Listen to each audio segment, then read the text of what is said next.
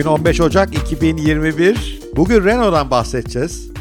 Yani ben aslında pek böyle geleneksel firmalardan bahsetmiyorum biliyorsunuz. Daha yeni teknoloji firmaları seviyorum ama Renault'da büyük bir atak var ve Renault benim için özel bir marka. Bu büyük atak ve benim için Renault özel bir marka olması bir yere gelince bunun hakkında bir podcast yapmamak olmazdı. Renault'da büyük bir atak var. Bir stratejik değişim projesi var. Adına Renovation diyorlar. Renovation. Yani Fransızca bilmediğim için kusura bakmayın eminim onlar daha güzel söylüyordur. Ama büyük bir atak bu. Ve galiba atağın temel hedefi Avrupa'nın Tesla'sı olmak.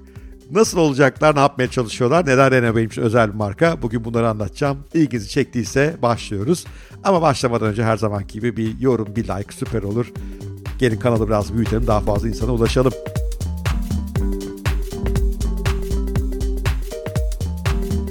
Renault'un benim için özel bir marka olmasının temel sebebi ilk otomobilimin Renault olması. Ben üniversite yıllarımda rehberlik yaparken kazandığım parayla gittim ilk işim bir otomobil aldım. Ama böyle Renault 12 almadım. İşte o delikanlılıkla gittim bir Renault 5 Alpine Turbo aldım. Yanlış anlamayın tabii ikinci el bir arabaydı. Mersin gümrüğünü uzun süre beklemiş bir arabaydı. Ama çok güzel gözüküyordu. Metalik gri nefis bir aletti. Çok sorun çıkarttı başıma çünkü gümrükle beklerken araba çok yıpranmış. Bir de hani yedek parçası biraz zor, pahalı. Hani aslında bir rehberlikten para kazanan bir öğrencinin alacağı araba değil. Başıma çok dert çıkarttı.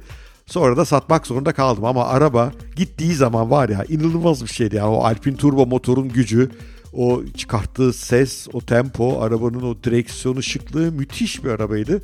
Ve benim böyle bir Renault aşkım başladı.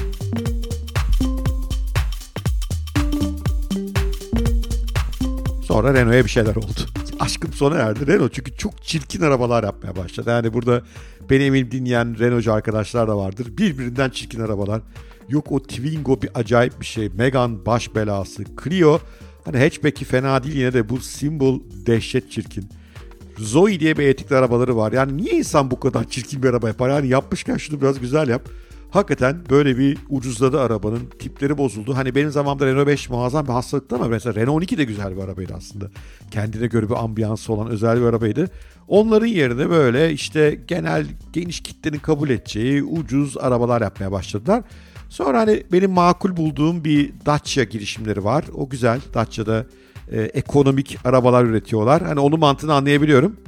Ve Dacia'nın o dört çeker aracı şık bile buluyorum. Yani en şık Renault diye diyebilirim ama öbürlerinde gerçekten büyük sıkıntı vardı Renault'un modellerinde uzun süredir.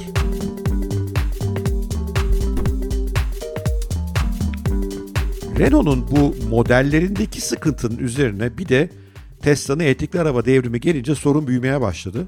Şimdi hep bahsediyorum Tesla'nın değeri bugün 800 milyar dolar civarında. Renault'un değeri kaç biliyor musunuz? 10 milyar dolar.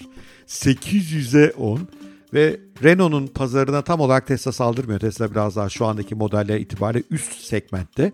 Ama geçenlerde bir podcast'te söylemiştim. Tesla'nın 25 bin dolarlık bir elektrikli aracı yakında üretmeye başlayacağı söyleniyor. Bu Renault'un başına daha çok dert olabilir. Renault'un elektrikli araçta aslında fena değil ürünü Zoe. TV çok çirkin de Araba fena değil ve aslında Avrupa'da yanılmıyorsam satış adedi lider. Ama hani bu Renault'un bu aracının Tesla'nın yeni çıkaracağı 25 bin dolarlık 170 e, mil e, menzilli araçla başa çıkmasını ne marka gücü olarak ne dizayn olarak ne de menzil olarak beklemiyorum.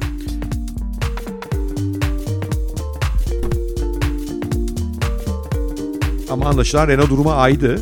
Ee, yavaş yavaş Tesla'nın üst segmentten alt segmente doğru gitmeye çalışacağını ve yarattığı müthiş ölçek ekonomisi ve pil teknolojisiyle artık o alt segmentlerde de kimse ekmek yedirmeyeceğini anladı ki Renault büyük bir değişikliğe geçti. Bunda yeni CEO'ların da büyük etkisi var. Luca De, De Meo yanlış okumuyorsam eski Fiat CEO'su. İlginç bir adam aslında.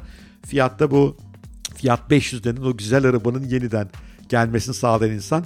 E, Fiat 500'de bir zamanların klasiği onun yeni hali de güzel. Gerçi o 4 kapılısı bence yine facia ama 2 kapılısı gerçekten çok şeker bir araba.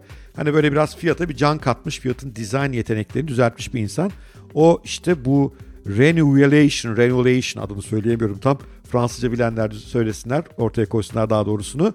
Böyle bir stratejik planda Renault'u tekrar canlandırmak istiyor. Peki planın üzerine neler mi var? Gelin bir ona bakalım şimdi.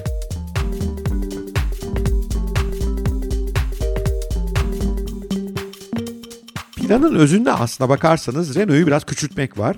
Renault yanılmıyorsam şu anda aşağı yukarı e, 4 milyon civarında araba üretiyor. Bunu 3 milyona indirecek Renault. Ve böyle harcı alem, ucuz işte Clio, Simbol gibi arabalar yerine biraz daha katma değerli arabalara doğru e, gidiyor olacak. Ve bu arabaların da büyük bir oranda elektrikli araçlara dönüştürüyor olacak. Yani projenin özü, özü bu. Temelde 3 aşamadan oluşuyor. İlk aşamaya resurrection yani yeniden hayata dönme diyorlar. Biraz öldüklerinin herhalde farkındalar. Bu aşamada e, bolca nakit üretecekler. Bunun için tasarrufa gidiyorlar. Epey bir anladığım kadarıyla fabrikalar kapanacak. Üretim hatları basitleşecek. Daha az baza inecek üretimler. E, ve bununla beraber ciddi bir tasarruf 2,5 milyar dolar civarında bir maliyet tasarrufu hayal ediyorlar. Ve 3 milyar dolar civarında da bir e, pozitif nakit akışı. Aslında bu Ford'un şu anda yapmaya çalıştığı benzer bir akım. Ford da belki takip ettiğiniz Brezilya'daki fabrikasını kapattı. E, SUV'lere ve e, bu meşhur onların F-150 veya bizdeki Ranger gibi e, işte pick-up'lara odaklanacağını söyledi. Diğer kategorilerden çıkacağını söyledi çünkü onlar da kar etmiyor. Bildiğim kadarıyla Ford'un bu F-150'si ve Türkiye'deki kamyon üretimi dışında pek karlı ürün hatları yok.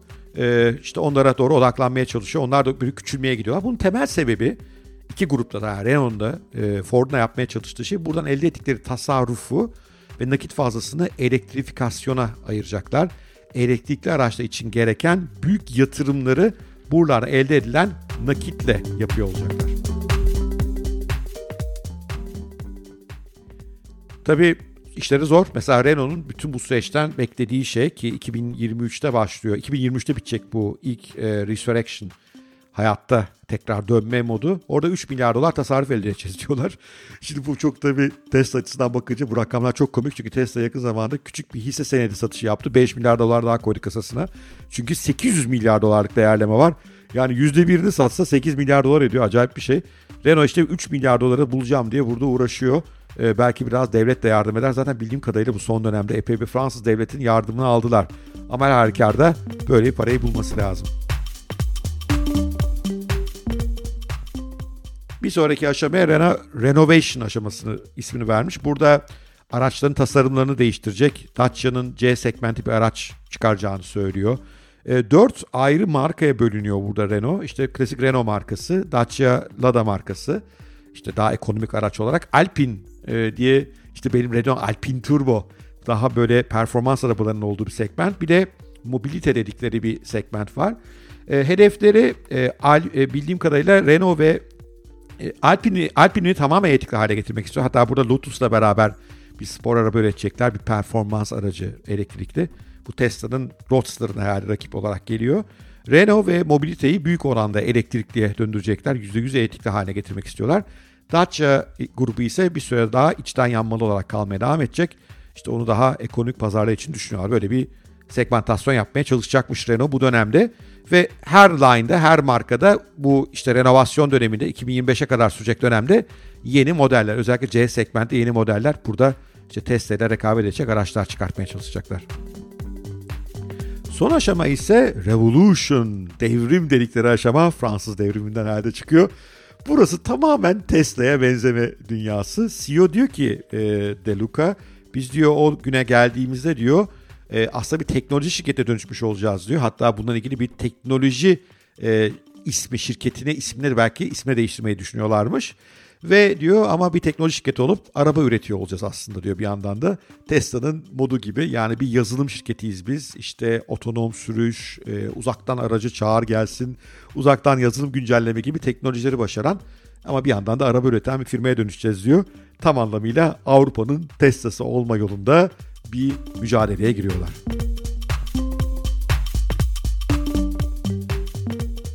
Açıkçası Renault'un bu çabasını takdir ediyorum. Renault Türkiye'de üretim yapan bir şirket. O yüzden bizler için çok değerli. Orada binlerce, yüzlerce insan çalışıyor. Türk mühendisleri çalışıyor. Türk mühendisleri araç tasarımı yapıyorlar. Onların Fransızların yanlış hatalarından dolayı zor duruma düşmesini asla istemem. O yüzden Renault benim için bu yönüyle özel. Türkiye'nin büyükçe sanayi, en büyük sanayi kuruluşlarından bir tanesi. Ama zor bir yolculuk çünkü para yok. Rakamlar küçük, marka çok yıpranmış durumda. Yılların hatalarını çözmeleri gerekiyor. Çok geç kaldılar bu işte. Ümit veren yönü Zoe sayesinde etikli araç üretmek konusunda bir know-how'larının olması, bir bilgileri var. Ama kolay değil. Mesela Volkswagen şu anda biliyoruz 250 bin araca geliyor bu sene etikli araçlarda. Yani bayağı bir atak yaptı onlar. Erken uyandılar. Renault biraz geç kaldı. Ama geç olsun güç olmasın. Önemli bir marka. Türkiye'de üretim olan bir marka. Eminim bir sürü fanatiği olan bir marka. O yüzden başarılı olmasını istiyorum. ilk uyandılar ama görüyorsunuz Tesla hakikaten değiştiriyor. Her şeyi değiştiriyor. Yakında bir podcast'te BMW ve Mercedes'in başına açtığı e, sorunlardan bahsedeceğim Tesla'nın. Mesela dünyanın en büyük otomobil pazarı olan Çin'de Mercedes ve BMW geriliyor şu anda. Onun yerine Tesla, NIO, NIO da biliyorsunuz Çinli bir üretici. E, birkaç Çinli üreticinin daha onların yerini aldığını görüyoruz. Özellikle üst segment araçlarda onların da başı dertte Mercedes ve BMW'nin. BMW'nin ona da sonra değiniyor olacağım. Evet bugünlük bu kadar. Her zamanki gibi tekrarlayayım. Sevmişseniz podcast'ı bir like bir yorum süper olur. Artı haddinaş.net'e gelin lütfen. Benim esas içerik üretim sisteme oraya da üye olun. Orada da çok içerik paylaşıyoruz. Haddini Aş kulübü var. O kulüpte üyeleriyle sık sık bir yere geliyoruz. Yatırımlar, kişisel gelişim, tartışmalar, sohbetler. Çok sık bir WhatsApp, grup, WhatsApp grubumuz da var orada. Aşağıda linki var oraya da gelin. Artı bugünkü podcast'ime e, büyük oranda kaynak olan yazıyı da aşağıda linkini sunuyorum. Onu da inceleyebilirsiniz daha fazla detay için. Görüşmek üzere, hoşçakalın, sevgiyle kalın.